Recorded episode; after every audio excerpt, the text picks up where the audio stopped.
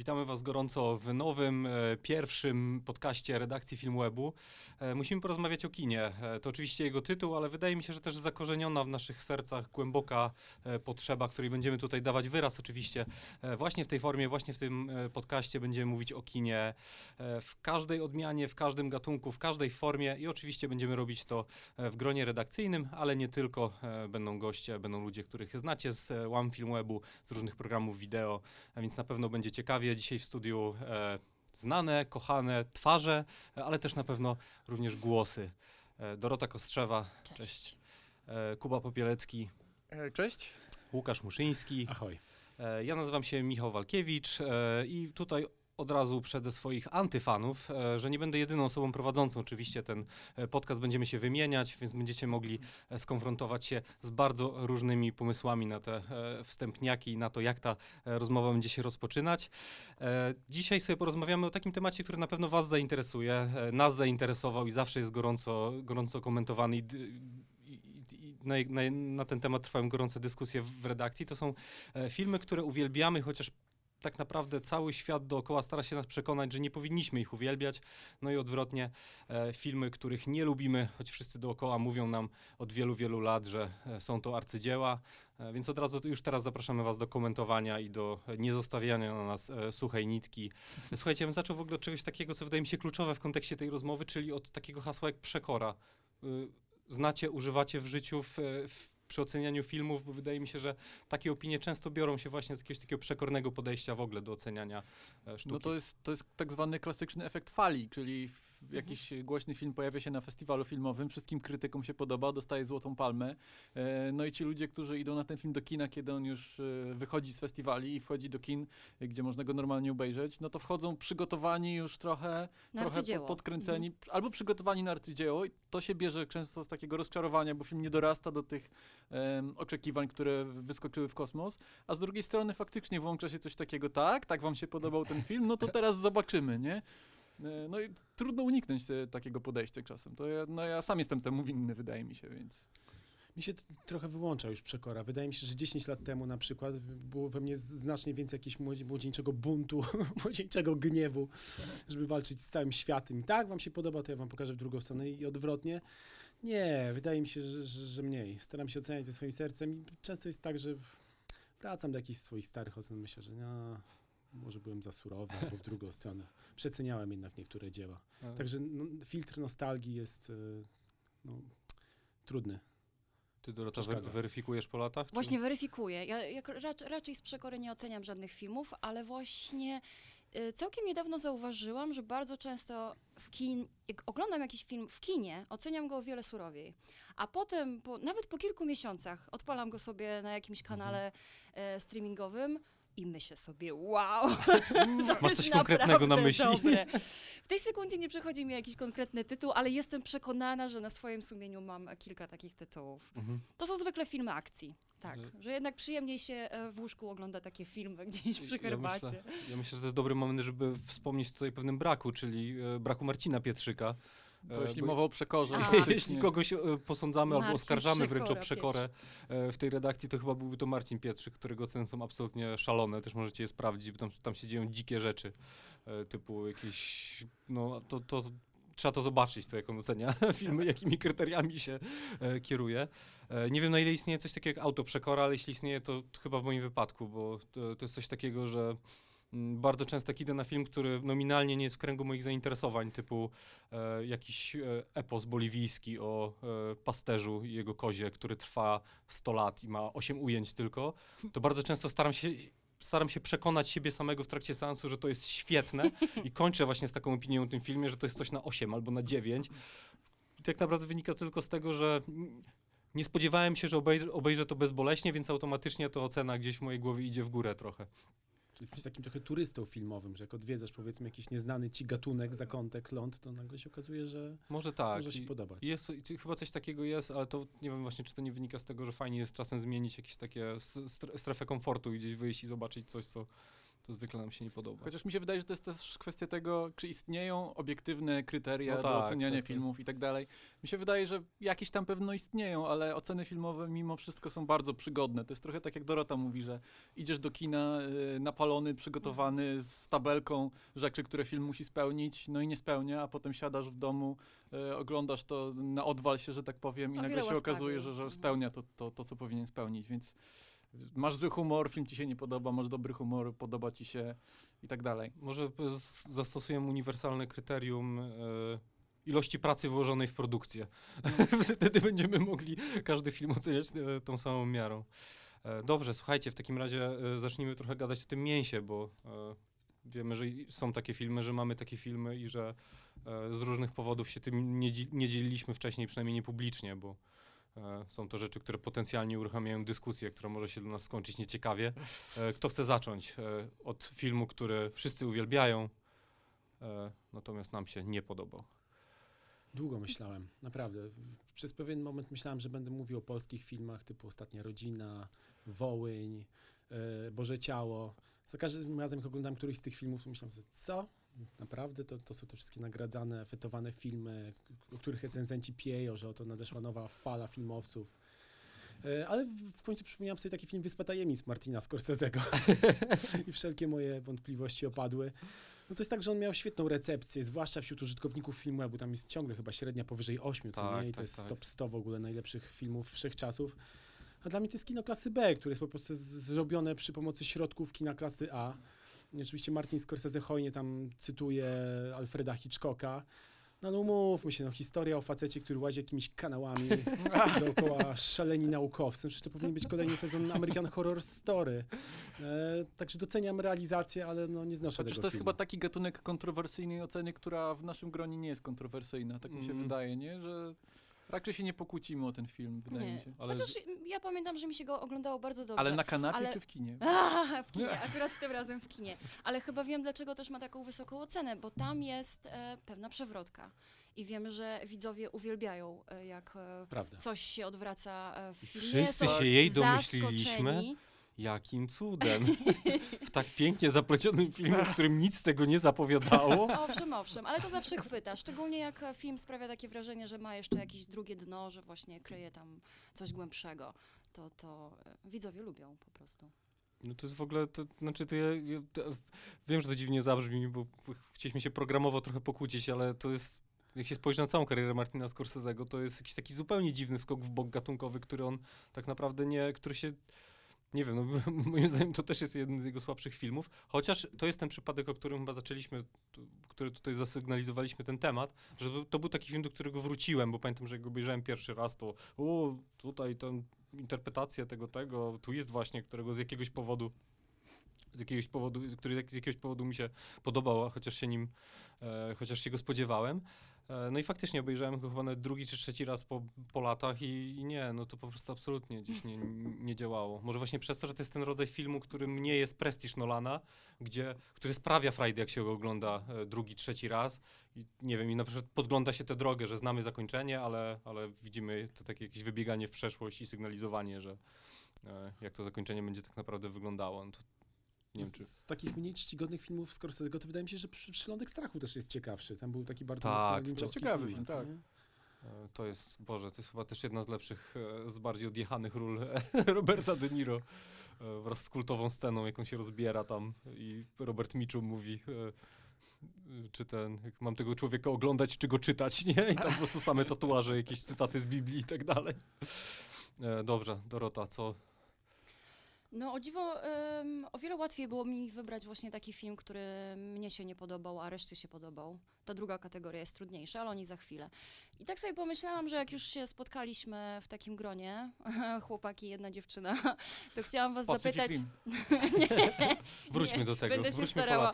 może jeszcze poruszymy temat Pacific Rimu, filmu, który mi się absolutnie nie podobał i odbyłam z chłopakami wiele kłótni na ten temat, ale już tłumaczę, że e, od kiedy zaczęłam go oglądać z dziećmi moich e, sióstr, chłopcy lat 10-12, tak regularnie, to, to, to zaczęłam go To doceniać jest i efekt zrozumiałam. kanapy, nie? To... To lepiej zrozumiałaś tak. nas, jak O wiele lepiej zrozumiałam was, dlaczego się tak oni go wykłócaliście i, i co, co w nim zauważyliście. Ale e, to jest inny temat. Chciałam was zapytać o film Ad Astra, bo wiem, że wam się bardzo podobał, a ja zauważyłam e, z rozmów z innymi osobami, że on się generalnie bardziej podoba chłopakom. Wiadomo, ze względu na temat przewodni. No, ale chciałam od was teraz posłuchać, e, dowiedzieć się, co was tak ujęło w tym filmie. No to prawda, że to jest męskie kino, męskie aż do bólu. To jest o, o panu, który ma problemy z ojcem, więc e, leci w kosmos, żeby te problemy rozwiązać. Eee, Brad Pitt jako pan. I Brad Pitt bardzo tam cierpi, bardzo tak cierpi po męsku, zaciskając zęby, e, I tak mówiąc sam do siebie. Nie wiem, mnie ten film ujął właśnie jakąś takim, taką bardzo, może nachalna jest ta symbolika trochę, nie wiem, ale ta symbolika jest bardzo pięknie przepisana w tę jego opowieść w- o podróży w kosmos, żeby porzucić ojca. E, I to jest opowieść o tym, że w kosmosie e, nie ma nic, że musimy wrócić na Ziemię i ponownie jakby zająć się sobą. Nie wiem, straszny banały, jak się, No jak się to właśnie, bo ja opowiada. to wszystko niby rozumiem, ale jak oglądałam ten film, to wydawał mi się i za długi, i powtarzał czasami to samo po kilka razy, więc w krótkometrażówce na pewno sprawdziłby się lepiej. Ale mi się też po, podobał bardzo inscenizacyjnie. Tam jest parę takich wizjonerskich sekwencji, na przykład scena pościgu na Księżycu bodajże. Najlepsza rzecz, rzecz w całym filmie, to właśnie chciałam powiedzieć, że to było jedyne, jedyne co mi się podobało. W No. takiej ciszy, czuć tę grozę i to, że księżyc jest e, skomercjalizowany. To była bardzo fajna wizja, ale ona była przez sekundę. Ale rozumiem tyle, że to jest film jednak dla, dla chłopców mimo wszystko, nie? Że to ni, niby może nie należy tak dzielić, ale to, to zdecydowanie jest kino męskie. Mi po prostu brakuje takich filmów. Filmów, które są realizowane według oryginalnego pomysłu, nie są częścią franczyzy, kosztują ze 100 milionów dolarów. Świetnie re- zrealizowane, z gwiazdami w obsadzie, są w tym ambicje, a jednocześnie jest jakaś próba e, zbalansowania tego, nie? Bo ten film jest trochę pomiędzy Kubrickiem a Malikiem, a jednocześnie mamy tam jakieś szalone mordercze małpy, pościg po księżycu. Szalony jest ten film, Jest, tak. jest, jest, jest tempo, oczywiście Brada Pitta, który zastanawia się, czy grzechy ojda, ojca przejdą na syna, czy on potrafi kiedykolwiek wykorzenić ojca ze swojego serca. Zadziałało to u mnie. Wiem, że to nie jest film do końca spełniony, ale wolę oglądać takie filmy niż filmy bazujące po raz setny na jakimś ogranym pomyśle. Te małpy jest- chyba, to jest taka, taka kość niezgody. To jest Mhm. rzecz, która w większości Ja osób się się nie podoba. Pokłócić, skąd te tak. małpy, o co te małpy? Mhm. A dla mnie te Ale- małpy działały symbolicznie chociażby, nie? W takim sensie, że tak jak Łukasz mówił o Kubricku, to to faktycznie ten film się odbija od Odysei Kosmicznej, ale on jest jakby odwróceniem idei y, Odysei Kosmicznej. Czyli to nie jest podróż człowieka do kosmosu, żeby zostać Bogiem, tylko jest podróż człowieka do kosmosu, który tam odkrywa, że nie ma żadnego Boga i trzeba wrócić na Ziemię. I ta małpa jest jakby elementem tej opowieści o ewolucji, po prostu symbolicznie w tym porządku gdzieś tam funkcjonuje. Więc ja byłem zachwycony. Bardzo humanistyczny film, taki wychodzi z niego z wiarą w ludzkość. Wydaje mi się też, że nie ma filmu o kosmosie bez bardzo realnego zagrożenia w tym kosmosie, człogokształtnego. Nie wiem, jak sobie wspomnieć Tak, ale to- Czerwoną Planetę, albo Misję na Marsa, albo ten film. Zawsze musi się pojawić też taki wątek. Tym bardziej, że to pierwsze pojawienie się małpy to w zasadzie jest spoiler, jak o tym mówimy, bo to jest bardzo fajnie ograne przez reżysera. To jest tak, że ta małpa tam się gdzieś pojawia z zakadru i przez chwilę nie wiemy, co to jest, czy to czasem nie są kosmici, bo na tym etapie jeszcze nie do końca wiemy, w jaką stronę pójdzie ta fabuła. I to mi się też podobało, no, jako takie zaskoczenie, że w filmie o podróży w kosmos spodziewamy się oczywiście jakiegoś obcego, podczas gdy nie ma żadnego obcego, jest po prostu wściekła małpa. Ja myślę, Wściekła. Powinien być konkurs na opowiadanie fabuły Ad Astra po tym, nie? po tym co tu usłyszałem. Wściekła małpa, pan, ojciec. pan w kosmosie, grzechy ojca, kosmiczny pościg. No i ojciec lecący E, w tak. otchłań. Mm, Tak, tak, jak to jest, Leia w ostatnim Jedi. czy to był twój, to był ten film Dorota, który, który chciałaś Tak. tutaj stoczyć, stoczyć bój? E, dobrze, Kuba. No, y, ja mam kilka takich filmów, mam dość dużo takich filmów. Wydaje mi się, że jednym z takich, który budził największe kontrowersje w redakcji był film Watchmen Strażnicy, który tutaj powszechnie chyba przynajmniej przez pewien czas był, był lubiany.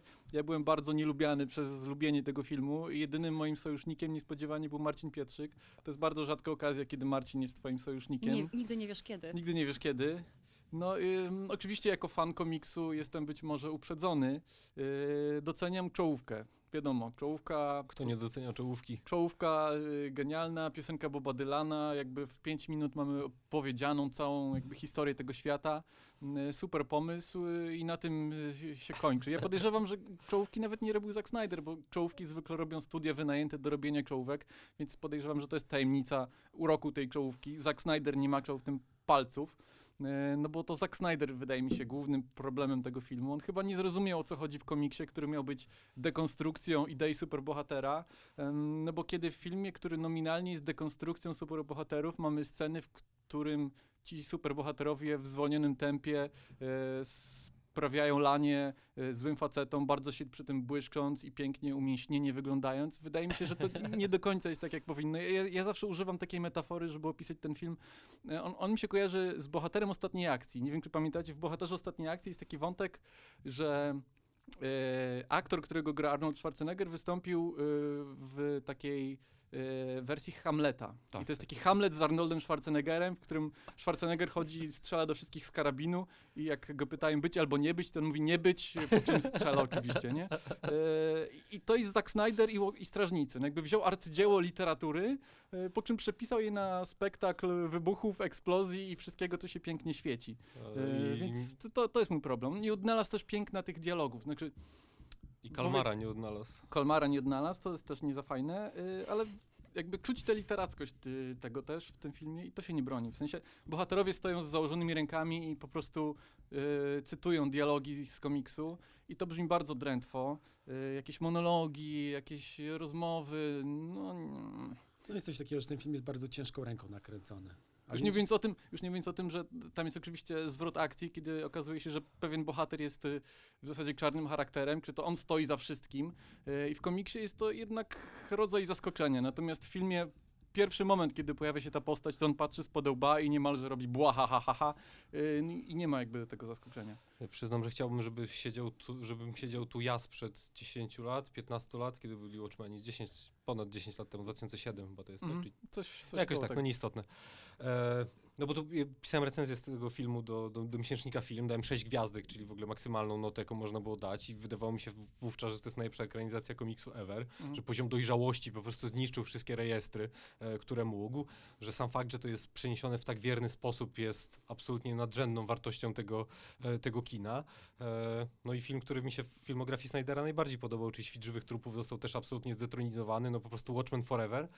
Mm, bardzo dużo czasu minęło, zanim pojąłem prawdę. Musiałem tak naprawdę doczekać się serialu HBO, który, Aha. który nie jestem jakimś super fanem nawet, ale e, obejrzałem ten serial i faktycznie sposób, w jaki on, znaczy sposób, w jaki ten serial rozwija tą mitologię, w, konteksty, w których umieszcza tych nowych bohaterów, nawet jeśli one są proste, no bo w, Mhm. można powiedzieć wprost, to jest po prostu serial, serial o rasizmie. I Tak. o niewielu rzeczach więcej tak naprawdę. Mm, ale nawet ten poziom realizacyjny sprawił, że jak sobie zrobiłem double feature i próbowałem, wziąłem swoją dziewczynę i mówię, słuchaj, jak, jak ci się podobał ten serial, musisz zobaczyć Watchmenów filmowych, nie? To jest niesamowita adaptacja komiksu, jest najlepsza, nie? Wtedy chyba nawet dałem wyższą cenę niż Dark Knightowi, co jest absurdalne. Mm, No i zacząłem to oglądać i sobie pomyślałem, e, jak w tym na tym memie z Raptorem, a co jeśli Kuba Popielecki miał cały czas rację? I tak naprawdę nie jest to dobre. Mm, No i te I monologi... Marcin Pietrzyk. E, tak, i Marcin Pietrzyk, co gorsza. E, I te monologi Roszaka, e, które są jakieś jak parodia po prostu stylu noir jakiegoś. Jak on mówi o tym mieście, że tam w rynsztoku pływają właśnie No właśnie, to jest taki przypadek, ludzie. kiedy wierność oryginałowi jak, jakby nie do końca się sprawdza, bo te Tak. dialogi są przepisane jeden Nie do jeden, ale one zupełnie. nie działają, kiedy są wypowiedziane na głos. E, Co, doktor, doktor Manhattan w tych gaciach dziwnych, nie? Właśnie, które w ogóle na ekranie tak jakby, no, te sceny, sceny właśnie tego heroizmu, nie, o których... Manhattan nie o ma których gaci w tym filmie. Chyba ma, w, e, ma te takie, dobra, nie będę opisywał Była teraz. taka gra nawet z przyrodzeniem doktora Manhattana. Wszyscy się śmiali z tego. Dobrze, Nie, ale były takie żarty, że on właśnie ma komputerowo W stworzone niektórych części scenach intymne tak. i, i ludzie się śmiali, że jacyś biedni graficy pracowali miesiącami jakby renderując to. renderując, no tak, no dobrze. No w niektórych scenach ma te chyba, w tych scenach oficjalnych wystąpień publicznych ma, ma majtki, ale nie wiem, czy w dobrą stronę zmierzamy z z tą opowieścią o Watchmenach. E, No ale wszystko w zasadzie i brak tego Kalmara i pomysł na finał tego i nawet inscenizacja mi bardzo mocno szwankowała, bo poza wieloma takimi efekciarskimi, ef- efekciarskimi ujęciami tam jest dużo jakiejś takiej waty wręcz, że są super nudne jakieś reaction shoty, dwie osoby rozmawiają w pokoju. Nie wiem, nie? I tak jakby to było, to, to mnie dość mocno przybiło, jeśli chodzi o ten film. E, no, wydaje mi się, że to, co się absolutnie broni, nie wiem, jak jest, czy, czy, czy jesteś w stanie ten element wyciągnąć i się zgodzić, ale Jackie Earl e, Tak, tak. Haley jako Rorschach to jest absolutna perła w tym To w filmie. ogóle castingowo ten film jest całkiem niezły. Z- Patrick Wilson jako Ale- Nocny Puchacz też jakby jest, wydaje mi się, trafiony. E, Eee, Malin Ackerman to jest też Tommy Wiseau, nie? I The Room. To, tam, to po prostu to, to, co się tam dzieje, zwłaszcza jak świetnie była portretowana w, w serialu, mhm. e, to, to, to faktycznie nie miało prawa się, e, nie miało prawa chyba się udać z nią. No dobrze, Michał, ale to teraz zdradź e, swoją pleasure. Duch Marcina Pietrzyka jest silny dzisiaj podczas tego nagrania. E, ja bym chciał powiedzieć Whiplash trochę, bo e, to jest taki film, który, e, którym Marcin dał trzy. To było dość niezrozumiałe u nas. E, ja mu dałem, to jest film, który, którego nie lubię, a któremu prawdopodobnie dałem najwyższą ocenę, czyli koło, w okolicach siedmiu, bo wydaje mi się, że jeśli chodzi o warsztatowe, warsztat Damiana Szazela, to jest absolutnie wspaniała rzecz. I montaż i tak dalej, i te wszystkie rzeczy, które tam się dzieją z dźwiękiem to, i, i z obrazem su- super, tak jakby ale na poziomie jakiejś takiej e, przekazu, który ten film niesie ze sobą e, i nawet nie przekazu, wiem, dużo ludzi miało pro problem z tym, że ten film pokazuje wizję edukacji jako czegoś, gdzie musi być jakiś, ktoś z batem i tak jakby musztrować uczniów. Bardziej mi się nie podoba ten film jako opowieść o sztuce samej, o definicji sztuki jako czegoś, przy czym trzeba się zjarać po prostu modernistycznie, spalić do cna, bo bez tego nie będzie wielkości, nie będzie artyzmu, nie będzie czegoś, co, e, e, co jest w jakikolwiek sposób wartościowe. I wydaje mi się, że odkąd w moim życiu zagościł The Rock na Instagramie jako pewien odnośnik moralny i, artystyczny, to mniej łaskawym okiem patrzę na takie rzeczy jak Whiplash, jak La La Land, które opowiadają o ludziach, którzy muszą rezygnować z miłości, z rodziny, muszą właśnie wszystko sk- składać na ołtarzu Chociaż jakiejś to jest pytanie, czy The Rock jest która- wielkim artystą na przykład, No. The Rock jest wielką Jasne, postacią. Jasne, E, okej, to, ale- jest, to jest oczywiste pytanie, ale nie wiem, czy, czy mieliście tak z Whiplash i, i z The Rockiem może. Nie, wydaje Whiplash jest akurat moim chyba najmniej ulubiony z filmów e, Damiena Chazela. Jakoś miłość do tego reżysera rośnie mi e, z filmu na film i myślę, że ten nowy Babylon z Bradem Pittem i kto tam gra jeszcze gra? Emma, Emma, Emma Stone, to już w ogóle będzie arcydzieło. E, a propos jeszcze The Rocka, no to, a to nie jest tak, że on w ogóle jakby odniósł ten sukces i dopiero potem założył rodzinę. Mm. Najpierw poświęcił na ołtarzu jedno małżeństwo, e, zarobił kupę kasy, zyskał ten sta- status mega gwiazdy i potem... Poza tym umówmy się, no jakby to, to co się dzieje na Instagramie, to też niekoniecznie może być Nie, to, co ja, dzieje ja jego to życiu. mówię, mówię troszkę pół serio z tym. Whiplash i, i The Rockiem, ale faktycznie no jest coś takiego, że mnie nie do końca... Znaczy historia sztuki, a historia kina pokazują też, że nie do końca jest tak... Znaczy ta wizja jest nie do końca czymś, co powinno się w ten sposób forsować moim zdaniem. Chociaż ja bo- się, ja się nie, nie, o tyle się z tobą nie zgadzam, bo akurat Whiplash to jest mój ulubiony film Damiana Chazela. Moim zdaniem potem już było. Broń. E, ja się o tyle nie zgadzam, że moim zdaniem ten film wcale nie forsuje tej wizji. Także on pokazuje, że jest taka wizja Mhm. i są faceci, którzy wpadli jakby w pułapkę tej wizji i ich życie wygląda tak, że jest to ciężkie życie i dużo tam krwi i potu e, wymaga. E, ale wydaje mi się, że Chazelle stawia jakby pewien y, cudzysłów, bierze to trochę w nawias, że to nie jest tak, że to jest jedyna droga. On pokazuje tych facetów jakby w pułapce pewnej, którą wpadli. I ten finał, kiedy oni faktycznie dokonują to, na co czekali, a potem mamy cięcie, film się kończy i nie wiemy, co będzie dalej. Mhm. E, to, to był tylko moment, w którym oni być może poczuli się spełnieni, ale dalej muszą żyć ze sobą wciąż, więc Tak, moim zdaniem to wcale nie jest taka jednoznaczna opowieść. On jest w pewnym sensie otwarty. Mi się podoba w tym filmie to, że chociażby stawia ten problem i pamiętam, jak burzliwe e, dyskusje właśnie otworzył. A z nim w bardzo ciekawy sposób koresponduje taki polski dokument Marty Prus, bardzo dobry, Tak, tak, tak. Over the Limit. Dokument o rosyjskich em, gwiazdach, gim, Gimnastyczkach? gim, gimnastyczkach, tak, które są trenowane przez niesamowitą postać, e, panią, która się nazywa Irina, też z wielkimi osiągnięciami e, na tym samym e, polu. I to jest dokument właśnie o tym, o Mhm. tym, co trzeba poświęcić i czy przypadkiem nie jest tak, że faktycznie taka opresja jest potrzebna do tego, żeby coś z ludzi wyciągnąć, Mm. żeby e, przekraczali swoje granice i no i osiągali, e, No sięgali z, z niektórych, z niektórych najwięcej. na pewno, nie? Tylko ten film się wydaje, że Whiplash nie zostawia cię z takim poczuciem, że jest jakiś świat dookoła i Mhm. że jest coś, co oddycha i może taki, tak jakby ta sztuka może kiełkować na innym gruncie, nie?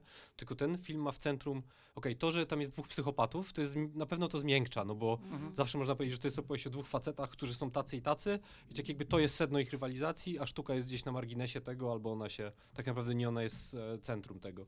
Ale wydaje mi się, że ten świat jest zbudowany jednak na takich bardzo prostych opozycjach, w których nie ma miejsca na inną wizję sztuki w ogóle I w pewnym sensie zakończenie tego filmu i to, co się dzieje w finale, przyznaje jednak rację temu bohaterowi granemu przez e, Jezus Maria. Nie ma J.K.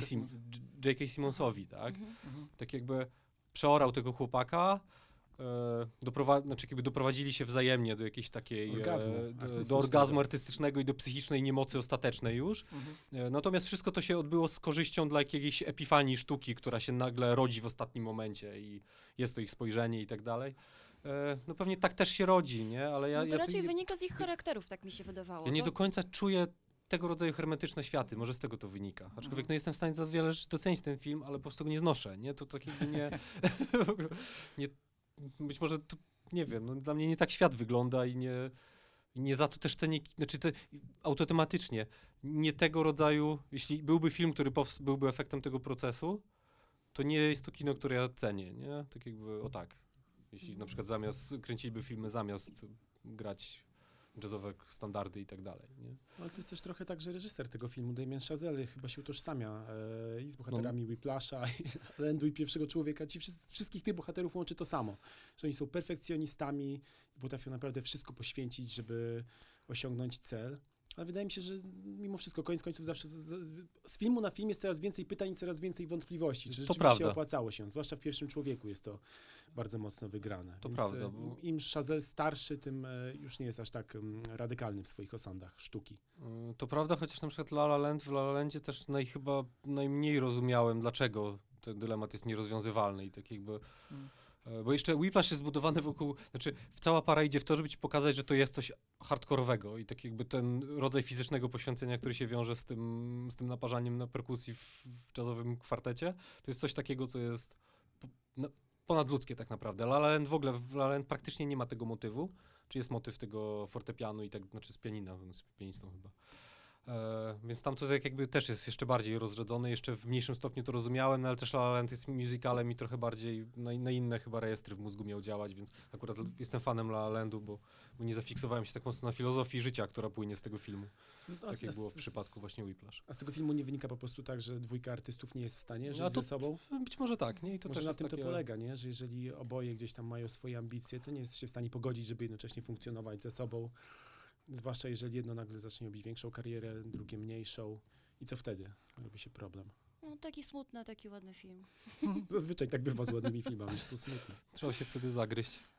E, Dobrze. E, Czy ktoś, ma, macie ostatnią szansę, żeby wrzucić do tej puli jeszcze jeden, jeszcze jeden potencjalnie kontrowersyjny film, którego nienawidzicie, a wszyscy go kochają? Ja mam taki jeden film, co prawda wiem, że wy go nie kochacie, tak samo jak ja. To jest Zimowa opowieść, pewnie się zastanawiacie, co to za film? Nikt o nim nie słyszał, a jednak... Russellem Crowe.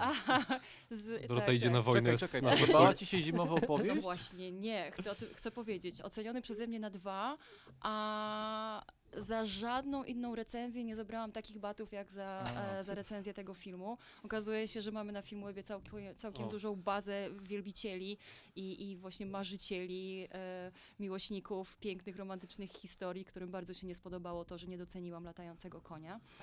Więc e, w mojej karierze ten film okazał się najbardziej To kontrowersyjny. jest piękny moment, żeby wspomnieć recenzje, które pamiętamy dokładnie z tego powodu. Kuba. Zapraszam do rozmowy. No ja nie wiem, na przykład chodźmy na wojnę ze społecznością. myślę, że Logan to jest jedna z moich recenzji, ale myślę, że tutaj wy też będziecie walczyć ze mną, więc s- nie wiem, czy rozwijać temat. No mój problem z Loganem bierze się z tego, że ja nie lubię czegoś takiego inaczej. Ludzie często, żeby ludzie trochę się wstydzą chyba filmów superbohaterskich i tego, że im się podobają. Więc kiedy film superbohaterski wchodzi w ciuszkach poważnego kina, to nagle automatycznie zostaje podkręcony i się mówi, Tak, ach, to- to jest prawdziwe. Tak jak z, z Watchmenami trochę mówi, Trochę że było, doceniłeś poziom dojrzałości i, i tak no, dalej. byłem durniem strasznym. I tak samo jest z Loganem, który obnosi się z tą taką patyną, z tym, że to jest film o starości, o starzeniu się, o dojrzewaniu, o ojcostwie i tak dalej. Podczas gdy zdrapać tę patynę, to to jest taka dość tak naprawdę sztampowa historyjka, w której Logan jak zwykle skacze na sznurkach, wygląda to słabo. Jego relacja z jego córką, czy w zasadzie bardziej klonem, klonką, polega na tym, że on mówi nie, nie, nie, nie, nie, nie, nie, po czym w, w ostatnim momencie mówi, a jednak, dobra, bądź moją córką. Eee, no i tyle, no nie podoba Czy mi się ja ten się... film. Ja, ja szczerze bo pamiętam, że przesłałeś tą recenzję na festiwalu w Berlinie, to było chyba pokazywane. Tak, ja się tak. przeżegnałem, jak zobaczyłem ocenę Logana. No, żeby nie było, to nie była aż tak niska ocena, dałem temu filmowi 5 na 10 chyba, więc... E, zwłaszcza, że już chyba wtedy powoli docierały te doniesienia o tym, że tam w ogóle się znowu odbyła jakaś rewolucja kolejna i pierwszy, Mhm. i znowu kolejny pierwszy dorosły film komiksowy. E, No i faktycznie, no ja zobaczyłem ten, ten, ten film dwa razy, no i zupełnie się nie mogę zgodzić z swoimi argumentami, bo e, dla mnie ten film, wszystko płynie z estetyki w tym filmie i wszystko działa fajnie dzięki tej, tej estetyce. E, No i mam tam sporo zarzutów, między innymi ten dziwny klon Logana, który wygląda A. jak wokalista, nie wiem, no nu metalowy wokalista, o tak. Jak mi się wydaje, że ten film używa za dużo takich B-klasowych y, chwytów na to, żeby być tym filmem, na który pozuje, że jest, nie? Rozumiecie? To jest po Tak, prostu tak, zwykły tak, film o chłop, o fa, chłopcu, co ja gadam. O starym facecie, który przyjaźni się z dziewczynką i rozwala paru złych gości, a nie jakaś tam metafora starzenia się, o Nie, powieść no, o dojrzewaniu i tak dalej. nie, To nie jest ale- tak jak Bez przebaczenia Clint'a Eastwooda, Nie, czyli nie, film, który w zasadzie stawia pod ścianą cały gatunek i go dekonstruuje totalnie. Tu nie ma żadnej dekonstrukcji tak naprawdę. No, Logan okej, starzeje się i ma problemy z pazurami, ale kiedy przychodzi co do czego, to robi co trzeba. E, To w ogóle, jeśli tylko tak się wtrącę, to w ogóle jest tak z naszymi użytkownikami, chyba też z widzami, nie? Że, że jak jest mrocznie, poważnie, jest kategoria wiekowa R, to automatycznie im winduje to e, na lepszy film, podczas kiedy w rzeczywistości wcale to nie jest dobry film. Też przypomniał mi się Denis Villeneuve. To jest taki reżyser, który zazwyczaj sugeruje więcej niż jest w filmach, no może poza Blade Runnerem, tam rzeczywiście jakby A. fantastyczna forma i treść szły ze sobą. Ja ja bym tylko chciał, żeby właśnie potrzeba mroku i kategorii likowej R została jednak przeniesiona na horrory w naszej bazie, bo wydaje mi się, że to jest taki gatunek, który jest Hmm. najmniej do, doceniany ogólnie. Mm. E, Zwłaszcza ta, ta fala post-horroru Mhm. dostaje mocno, e, mocno bęcki, mocne bęcki od, od, od naszych użytkowników. E, Łukasz, jaka twoja recenzja? Jaką recenzję najcieplej wspominasz? Reakcję na recenzję? Nie, to, to, to już całe mnóstwo, nie wiem, Popiełuszko, Benjamin Button, Nie podobał ci się? no pięć film, no nie, no takie słodkie kluchy od Davida Finchera z jakimś kolibrem, tak? To koliber był? Jakaś wstęga? Nie wiem, ja wolę nie pamiętać tego Ja uwielbiam ten film, dałem mu 9. Łukasz, to jest z tobą. Nie wzruszyła cię historia, piękna historia człowieka większego niż życie i śmierć? Nie, nie wzruszyłam. Prosto ja, od Davida Finchera? Kurczę, w ogóle wątek horrorów jest ciekawy. Dlaczego w Polsce nie, nie ceni się horrorów, a kiedy już się w ogóle w horrorze zlepiają różne gatunki filmowe i nagle robi się poważnie i coś idzie w stronę jakiegoś dramatu To nie jest psychologicznego. kwestia jakiegoś rytuału, nie, że nie, te, nie tego podszukasz, tylko tak jakby szukasz czegoś, co znasz i co musi gdzieś tam od A do Z wpisać się w, w schemat Mhm. horroru, który masz w głowie. No tak to Jedno wygląda i, trochę. I może nie? drugie też, że u nas jakby nigdy nie było tradycji w ogóle i szacunku dla horroru. Inaczej niż w Tak, Stanach tak, tak, Zjednoczonych. tak, Zawsze tak, u nas to był taki pośredni, gorszy gatunek i nawet jak się brali jacyś filmowcy, to trzeba było nadpisać coś jeszcze, coś ale Chociaż, Marcin chociaż Wrona paradoksalnie jakby e, tradycje mamy w takim sensie, że mamy silną tradycję romantyczną, więc jakieś takie Sztuka, zamki, duchy. Tylko, że u nas ta tradycja romantyczna zawsze była spięta z, z polityką i z takim narodowo-wyzwoleńczym e, klimatem, e, więc Z tego nie były można się było z po tego prostu były bawić. świetne horrory, nie? Z nieboskiej komedii na przykład. Ale myślę, że dziady, totalnie z dziadów można by Tak, zrobić dobry horror. E, Guślarz tam, ciem, głucho wszędzie, ciemno wszędzie, super. No, Guślarz e, był zboczeńcem, jak wiemy, z Wiedźmina, więc tam jest, jest potencjał niezły. ale... Guślarz z Wiedźmina? E, tak, Guślarz z Wiedźmina było su- sugerowane, że jest zoofilem w ogóle, nie? I tam ze swoją kozą coś tam się dzieje w zagrodzie e, w trzecim Wiedźminie e, w, w grze. E, Ale odprawił dziady i na dziadach byliśmy ochroniarzami, więc może ten rodzaj wykorzystywania polskiej kultury, na przykład w kinie grozy albo w jakichś konwencjach kina grozy by się sprawdził. E, Ja tylko jeszcze wspomnę na koniec, zanim przejdziemy do drugiej części, pogadamy o tych, e, w drugą stronę o tych filmach, które, e, które kochamy, chociaż wszyscy ich nienawidzą. E, chciałem wspomnieć o swojej recenzji Interstellar. E, I powiem to tylko raz. Mam nadzieję, że wszyscy, którzy ją skomentowali albo cenili, to słyszą. Interstellar, everyone. E, jestem osobą w tym gronie i w całej redakcji, która da, dała najwyższą ocenę temu filmowi. Ja tylko, o tym, ja tylko chcę o tym przypomnieć wszystkim, którzy tego słuchają. To 5 na 10 to jest najwyższa ocena, A którą nie wiem, nie wiem co Dorota myśli o Interstellar. E, chyba, że Dorota dała wyżej, ja o tym nie wiem. E, nie, chyba nie. Chociaż to znowu jest ten film, który jak się obejrzy po jakimś czasie na kanapie, w domu, to się docenia Nie, piękne nieprawda, obrazki. próbowałem. Ale, ale siedziałem przy stole w domu. Mhm. Także chciałem tylko... Skoczyłby o jakieś dwa punkty. E, No, e, może, może kiedyś, nie. Chciałem tylko tak podsumować, że Interstellar zajął tutaj jedną e, z wyższych lokat niższych, jeśli chodzi o... Ale ja pamiętam, pamiętam, jak oglądaliśmy Interstellar, siedzimy w kinie, IMAX, film się zaczyna i Michał się do mnie nachyla, który siedział obok mnie i mówi, jeśli film się zacznie od córki wspominającej ojca Matthew McConaughey'a, to będzie źle. Film się oczywiście tak zaczyna, no i potem było tylko gorzej. Ja pamiętam, co się działo w ogóle, jak wyszliśmy z kina i krążyły pogłoski o jakichś hamach z pokazu w szyderców. IMAXie, którzy cały czas wybuchali śmiechem na najbardziej wzruszających scenach. A cóż Tak, to za to chamy? byliśmy my. To my, to my. E, dobrze, także już wiecie, jak to wyglądało w przypadku Interstellar. E, to był ten, to był te, te, chyba ten też film, który uruchomił tę teorię nieśmiertelną o tym, czy, e, czy tak jakby wrażliwość nie jest zaraźliwa w momencie, w takich momentach i czy, czy jednak nie powinno się oglądać takich filmów osobno, tak jakby nie ulegać jakimś wzajemnym potrzeptom tego typu. W komorze jak- próżniowej. w komorze próżniowej, tak. I, mm, no ale dobra, kino nie istnieje w próżni, więc to się nie wydarzy. E, słuchajcie, to przejdźmy w takim razie do tej, e, nie wiem, dla mnie jestem już podekscytowany, wiem o czym będę mówił, więc e, do, tej, do tej drugiej części. Mm, filmy, które kochacie. To jest w ogóle trudna sprawa. Dorota już zasygnalizowała ten wątek. To jest coś, co dużo trudniej yy, znaleźć jakby w swojej pamięci. Znaczy dużo łatwiej jest nie lubić rz- rzeczy, które wszystkim się podobają, to jakoś ta przekora się włącza w ten sposób. Trudniej jest coś pokochać, tak mi się Mhm. wydaje, coś, coś słabego i to nie na takiej zasadzie, że to jest tak słabe, że aż dobre. E, No bo takich filmów podejrzewam każdy z nas ma dużo, a dużo trudniej znaleźć coś, co autentycznie pokochaliście szczerą miłością albo spodobało wam się po prostu dużo bardziej niż innym. Ja po pomoc udałem się do pewnego portalu agregacyjnego, e, który, który zbiera wszystkie recenzje i tam można porównać, która twoja recenzja najbardziej odbiega od, od e, konsensusu recenzenckiego. Która twoja recenzja nie brzmi znajomo. E, Tak, no i znalazłem na przykład recenzję filmu Barbie Delfiny z Magicznej Wyspy, któremu ja dałem 6 na 10. To nie jest to film, który kocham, ale jest to moim zdaniem bardzo porządny film, który nie wiedzieć czemu miał dużo niższą cenę. Wydaje mi się, że to jakieś stereotypy o Barbie przemówiły. E, jakieś złe języki. E, no my tutaj wszyscy chyba dobrze znamy serię Barbie e, w naszej redakcji. Wydaje mi się, że... Dąbek najlepiej. E, Mhm. Mamy jego topór tutaj, mamy jego miecz. E, No, kto nie recenzował filmu o Barbie, ten nic nie wie o recenzowaniu filmów.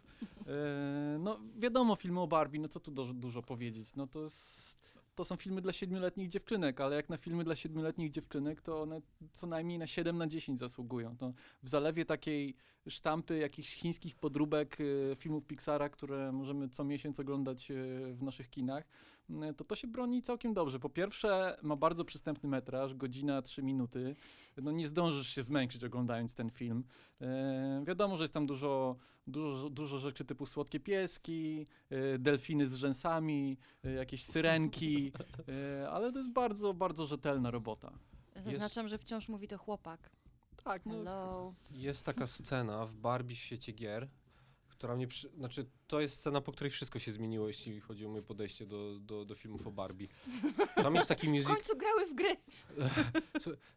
Generalnie to jest tak, że ona podróżuje po różnych światach i w każdym ma inną konwencję graficzną. Jeden jest jak z Minecrafta, drugi ma jakąś taką 2D konwencję. I to już samo w sobie jest ciekawe, ale w pewnym momencie trafia do świata, który jest jakimś takim miksem innych i tańczy. Jest jakiś taki musicalowy numer i tańczy. Towarzyszą jej psy, które są, psa, mają ciała psów, ale głowy psów wycięte z gazet, tak jakby gazetowe wycinki i tańczą, są poklatkowo animowane i ona jest złożona cała z bloków, więc próbuje zginać ręce, ale nie ma niczego, co by przypominało ścięgna, więc tylko się tak buja na boki. I to wszystko jest naraz. I to wszystko jest zrzucone w jakiś takiej e, kwasowym po prostu strumieniu kolorów, e, różnych technik i tak dalej na ciebie. I to był moment, w którym absolutnie kupiłem to, nie? Tak jakby wiedziałem, że to zawsze będzie dobre i zawsze będzie czymś ciekawym. Poza tym, no sama Barbie, która, o której fajnie mówi się z perspektywy jakiejś jednak, no, emancypacji po prostu, nie? Ona się bardzo często zmienia zawody, bar- te, te, tej przygody są zróżnicowane i tak dalej, także tutaj pełna zgoda, nie?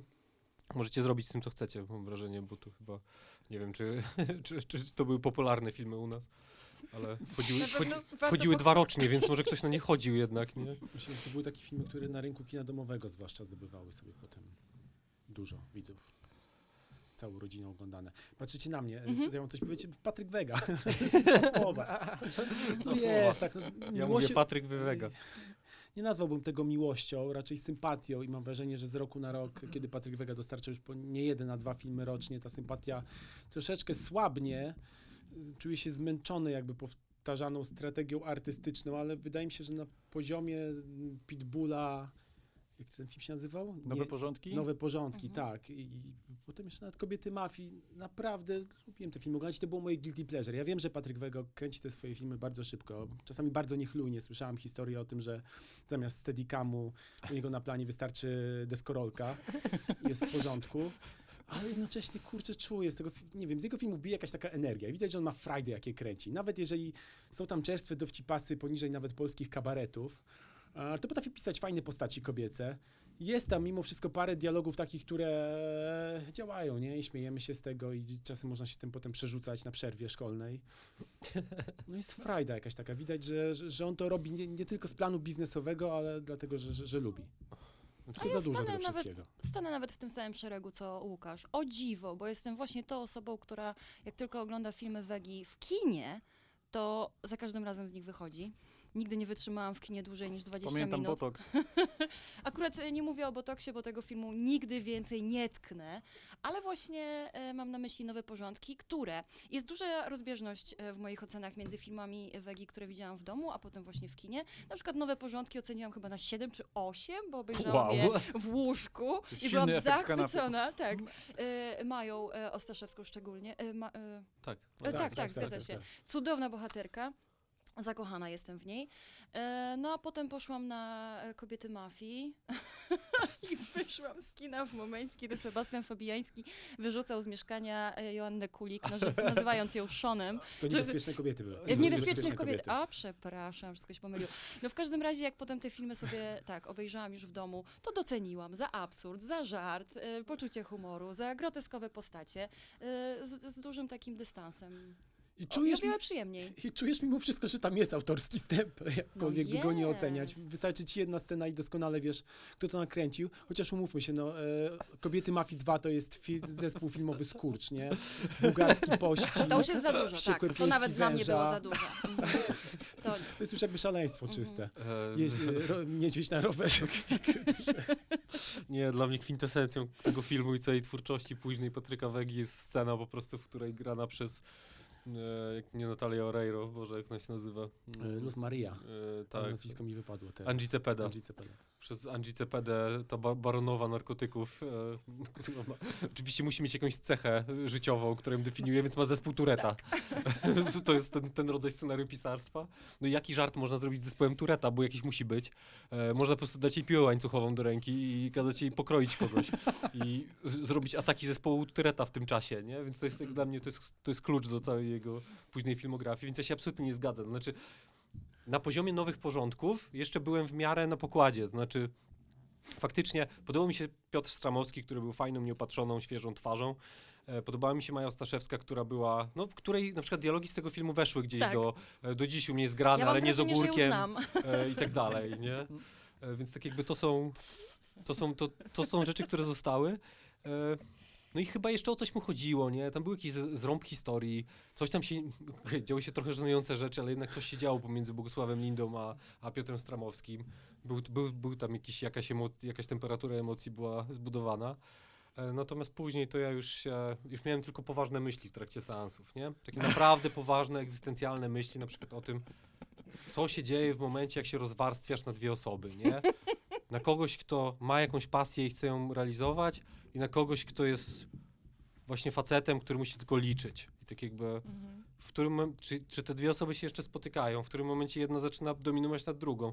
I patrzyłem na te filmy jakimś takim martwym wzrokiem i to, to były rzeczy, o których myślałem. Poza kobietami Mafii 2, które już są takim odlotem, że faktycznie, no, facet w stroju niedźwiedzia na rowerze w Igry 3 popyla po lesie, a zaraz jest scena, gdzie, gdzie babka z turetem próbuje pokroić faceta piłą Chociaż mechaniczną. jest taka teoria, nie, że Vega to jest nowy Bareja, że te filmy, filmy Barei też swego czasu nie były cenione przez krytykę i też są zrobione tak dość siermiężnie od strony roboty filmowej, a jednak jakby mają ten czynnik X, który uczynił je kultowymi i tak jak mówisz, cy Y. cytujemy je do dziś. Nie wiem na ile to jest y, teoria, która się sprawdza i sprawdzi, ale może dowiemy się za 20 lat tak naprawdę. No bo Patryk Wega trzeba powiedzieć, że ma talent do tego, że uwiecznia na ekranie grupę społeczną, tak? On się jeszcze dodatkowo tym fascynuje nie wiem, gangsterką, tak? Jakimś takim światem dresiarzy i widać, że mówi tym językiem, że właśnie te dialogi mu świetnie wychodzą, więc e, no, to jest jakaś Znaczy, Polska to- na ekranie jednak. Ja bym się- Może nie jest reprezentacyjna, ale... przerwał po tym, jak powiedziałeś, że się fascynuje gangsterką, bo Dla niego każde środowisko to jest gangsterka i to jest też problem, nie? że w co nie wejdzie, to tak jakby wrzuca ten sam język, pokazuje, że to jest taka sama mafijna struktura. E, No i tak, tak samo jest w polityce, nie? która jest super szalonym filmem. Nie wiem ostatecznie, kto z was obejrzał, bo No nie, ja też. Wciąż jeszcze nie, ale no, z drugiej strony to, to jest też takie filmowe uniwersum Patryka Wegi, a propos prawda, tego no. autorskiego stempla. Poza tym wydaje mi się, że Patryk Wega wprowadził na polskie podwórko coś, czego wcześniej nie było, czyli kino eksploatacji. No. mhm. On absolutnie czerpie frajdę z takich chamskich, momentami wulgarnych, brutalnych efektów. E, apeluje do naszych najniższych instynktów. Tego kino bywa momentami atawistyczne, ale no cóż, dla mnie to działa. I za, coś, za co jeszcze go lubię, to to, że on na przykład patrzy na jakiegoś aktora, który już jest w jakiejś szufladce i proponuje mu rolę, która jest z zupełnie innej parafii. To już się zaczęło na poziomie Andrzeja Grabowskiego, który grał w świecie według kiepskich i nagle Bach, pojawia się jako Goebbels. No. A teraz mamy Antka Królikowskiego w filmie Bad Boy. Już nawet po zwiastunach widać, że Królikowski, który za- gra, zawsze grał tych takich malowanych chłopców, Bodo, Miasto 44, tutaj gra chamskiego kibola, który chce zarobić mnóstwo Znaczy- Ale kas na to jest handlu super kokainą. ciekawe, co Michał powiedział. Faktycznie tak jest, że Patryk Wega patrzy na świat i jakby metaforą świata jest mafia, tak, dla Tak, niego. tak, tak, to to jest jego autorskie piętno. On po prostu Eee. patrzy wszędzie i widzi gangsterów. Ale też, y, jeśli jest jakaś rzecz, za którą mógłbym go pochwalić, która mi się podoba, i to na przykład jest w polityce, on ma takie dźgnięcia autentycznego szaleństwa, które jest niczym nieuzasadnione, Dźgnięcia. niewytłumaczalne.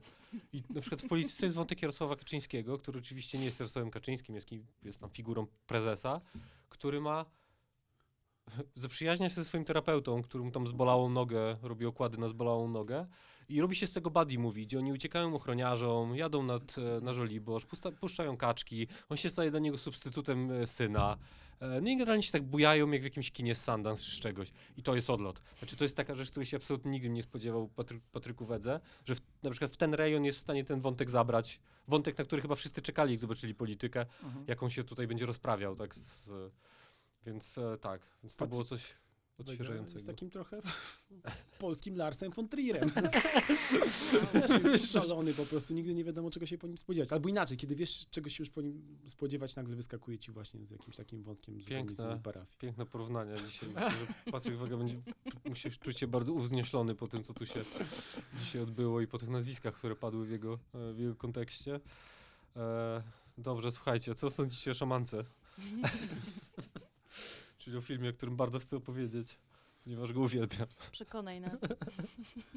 Ja powiem tylko jedną rzecz, to trochę będzie na obronę szamanki. Znaczy ja obejrzałem szamankę już długo, długo po jej premierze i moim zdaniem ona nie dorosła do swojej renomy najgorszego filmu na świecie. To, to nie jest najgorszy film na świecie. Jak jest dobry, to nie wiem, bo musiałbym do niego wrócić, nie pamiętam. Pamiętam taką scenę, jak Bogusław Linda pochyla się nad toaletą, sedesem i coś z niego wyciąga. Nie brzmi to dobrze, ale z, nie wiem. E, No ja akurat niedawno sobie powtórzyłem ten film, bo czytałem akurat biografię e, Andrzeja Żuławskiego i wydaje mi się, że ta scena, którą opisałeś jest trochę, ja się dokładnie czułem jak Bogusław Linda, pochylony nad sedesem i kiedy coś wyciągam, Imersja. to było oglądanie szamanki. Nie, no ja, wiem, że można sobie dopisywać po prostu Andrzej Żuławski, szalony, demoniczny artysta, demik, szaman właśnie, który chce tutaj coś przedstawić, opowiedzieć przerażają, historię przerażającej miłości, odnoszącą się też do jego w ogóle jakichś prywatnych doświadczeń, pewnie po rozstaniu z Sophie Marceau. Przy okazji prezentuje jeszcze e, obraz posttransformacyjnej Warszawy, gdzie bieda, brud, przemoc. Tylko nie da się oglądać, no to jest bełkot, no, umówmy się. To Istnieje- nawet scenarzystka tego filmu twierdzi, że nic z jej scenariusza nie przeszło do filmu. Istnieje taki, taka linia obrony, jest dość popularna, ale to nie jest moja linia obrony na szczęście. E, Też uważam, że jest kiepska. No, chcę, żeby być dobrze zrozumianym. To ocena 8 dla tego filmu moja nie jest ironiczna w żadnym stopniu. Ten film uwielbiam. Natomiast też traktuję go jako jednak mm, bardzo taki kampowy wykwit. I o ile na przykład w przypadku Barbie bardzo długo czekałem, żeby się wkręcić, potrzebowałem tej sceny tańca dziwnego, o tyle w przypadku szamanki wystarczy mi początek, gdzie ona idzie po dworcu, patrzy na te wędliny, jakieś galaretki za szybą i robi le, le, le, le, le. Na każdą i w końcu jeden wskazuje palcem. Mówię, o tak, nie, to jest, to jest ten świat, w którym chcę, chcę być. Czyli świat totalnego syfu, totalnego brudu, jakiejś takiej, tra- faktycznie jakiś taki obraz transformacji, ale absolutnie podrasowanej, wręcz groteskowej w swojej brzydocie i w swoim brudzie. I w, i, no generalnie no to, jest, to jest światek z horroru, który zresztą e, niesamowicie dobrze dobraną muzyką i w ogóle bardzo fajna jest ta, fa, fajna jest ta ścieżka Andrzeja Korzyńskiego, Andrzej jest, Korzyński, tak, zawsze e, jest pompowany. Pod względem operatorskim to jest, też jest taki bardzo brudny, chropowaty, surowy film, e, który I to, ta, ta kamera też szuka jakichś takich dziwacznych symboli erotycznych, które są absolutnie, nie są subtelne, ale są absolutnie obłędne, typu temat, że ona wchodzi do huty i widzi te tłoki, które pracują i to po prostu jest za dużo, ale z drugiej strony w tak groteskowym filmie i w tak groteskowej formie to po prostu wszystko działa, nie? No Więc ja mogę dużo mówić, natomiast na przykład Paweł Delon, który kradnie uran e, i w końcu go otwiera i wszystkich zalewa nuklearne światło. No, i, I też... Nie, wiem, że to jest, wiem, że to nie brzmi jak e, poważne argumenty, ale naprawdę, wydaje mi się, że to jest, to jest jeden z fajniejszych, e, złych, bardzo dobrych polskich filmów. I tak jakby czuję, czuję że mogę go broni, bronić z tej pozycji, jako czegoś, co, e, co autentycznie fajnie się ogląda i co jest, przed, co jest wykwitem jakiejś dzikiej wyobraźni. E, I wydaje mi się, że w wielu przypadkach w karierze Żuławskiego to na przykład, nie wiem, no, Opętanie to jest taki film, który składa się z super fajnych scen, ale które nie, dla mnie na przykład nie do końca zawsze pracowały na jakąś jedną fajną całość.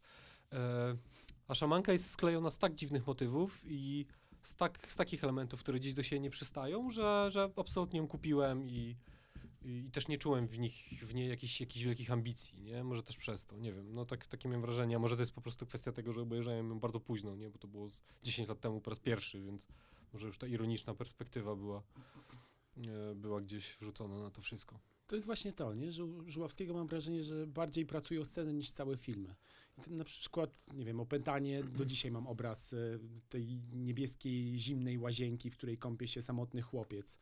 Zresztą E, kolejna tak. podobno scena inspirowana gdzieś tam. W tle bombowce. Tak, tak, tak, tak, życiem Andrzeja Żuławskiego, więc na poziomie obrazów to rzeczywiście, on, nie może powinien bardziej w galerii pracować niż robić film, nie? Piękna, piękna, niezaskakująca puenta.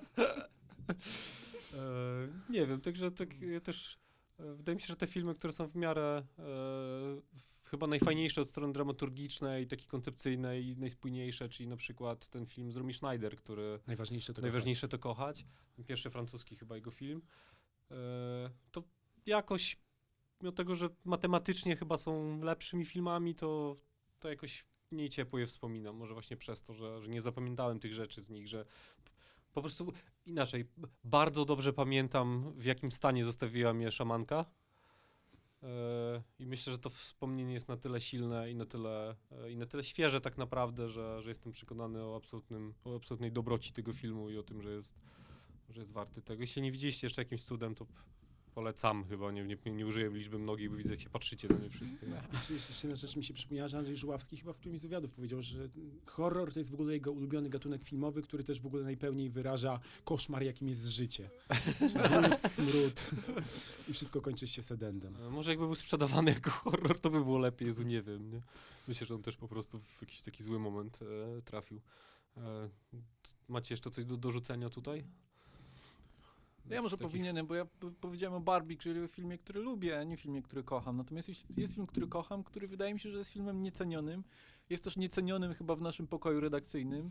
No Jest to film Oczy szeroko zamknięte Stanleya Kubricka, który jest moim jednym z absolutnie ulubionych filmów. To jakby top 10 Świątecznych przy okazji. Top też. 10 mojego życia, przy okazji jest moim ulubionym filmem świątecznym. No to jest też niespodziewany twist tego filmu, że to wszystko dzieje się w okolicach Wigilii, tam mamy choinki, na drugim planie prezenty i tak dalej.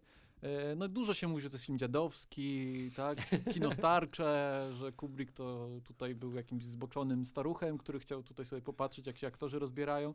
Ale wydaje mi się, że wiele złego temu filmowi zrobiło to, że on e, został sprzedany, tak, a może po prostu ludzie tego się po nim spodziewali, że to będzie jakiś taki gorący, erotyczny thriller, e, taki sexy film, wiecie, 9,5 90. tygodnia w Tak, wersji tak, Kubricka. tak, tak. No, no to nie jest coś takiego. No i tutaj jakby jest klasyczne, chłodne, kubrikowskie spojrzenie, które nie pozwala na coś takiego jak podniecenie. No mamy na przykład te sekwencje orgii. Wiele osób mówi, co to za orgia, ja się nie podnieciłem, nie? E, Ja widziałem większe Nie orgie widziałeś. Wiedźmina. Nie widziałeś Wiedźmina, czy tam w Gry o Tron, czegokolwiek. E, detektywa drugiego sezonu. E, no ale to jest orgia, która wydaje mi się celowo jest taka chłodna, nie? Że y, Kubrick pokazuje pewne takie zmęczenie i pewną taką nudę, zblazowanie te, te, tej orgii właśnie. Poza tym ten moment, kiedy y, bohater Toma Cruza zostaje zdemaskowany i każe mu się rozebrać, to tu jest prawdziwa groza, prawdziwy horror, prawdziwe emocje. Podoba mi się też y, sam pomysł na obsadzenie Toma Cruza, który tutaj dekonstruuje trochę samego siebie, bo on gra takiego pewnego siebie, pięknego chłopczyka, który myśli, że będzie chodził po mieście i po prostu dziewczyny będą mu padały do stóp. E, I trochę tak jest do pewnego stopnia, do pewnego momentu. Potem jakby ciągle Kubrick wyciąga mu em, dywan spod nóg, że tak powiem. To jest mnóstwo świetnych epizodów, na przykład Rade Serbegzia jako A, tak, imigrant tak, tak. sprzedający kostiumy. No to samo w sobie jest y, czystym filmowym złotem. Em, No i to jak bardzo ciekawie jest ten film y, zrealizowany na poziomie historii, która jest taka lustrzana właśnie. Wiadomo, że to jest opowieść o e, pewnych jakby iluzjach, wyobrażeniach i Kubrick to oddaje na poziomie fabuły, na poziomie e, struktury, gdzie mamy pierwszą połowę filmu, a potem drugą. Jedna w drugiej przeglądają się tak jakby nawzajem. No okej, zgodzę się, że to nie jest może najlepszy film Kubricka, to nie jest e, jakiś taki pomnik e, kinematograficzny, ale no mogę powiedzieć, że jest to mój ulubiony film Kubricka. I nie odbierzecie mi tego. Dobra, słuchajcie, w takim razie ostatnia, ostateczna szansa, żeby dorzucić e, coś tutaj do tej puli No ja mam pod taką- rozwagę. Okej, e, mam taką specjalną kategorię filmów, co do których w ogóle nie obchodzi mnie ocena innych. Są to filmy z Liamem Neesonem. Osobny gatunek. Osobny gatunek, nie ma znaczenia, czy to jest dobry film, czy zły. Ja w ogóle tego nie, nie, nie biorę pod uwagę nawet, że tak można na te filmy patrzeć.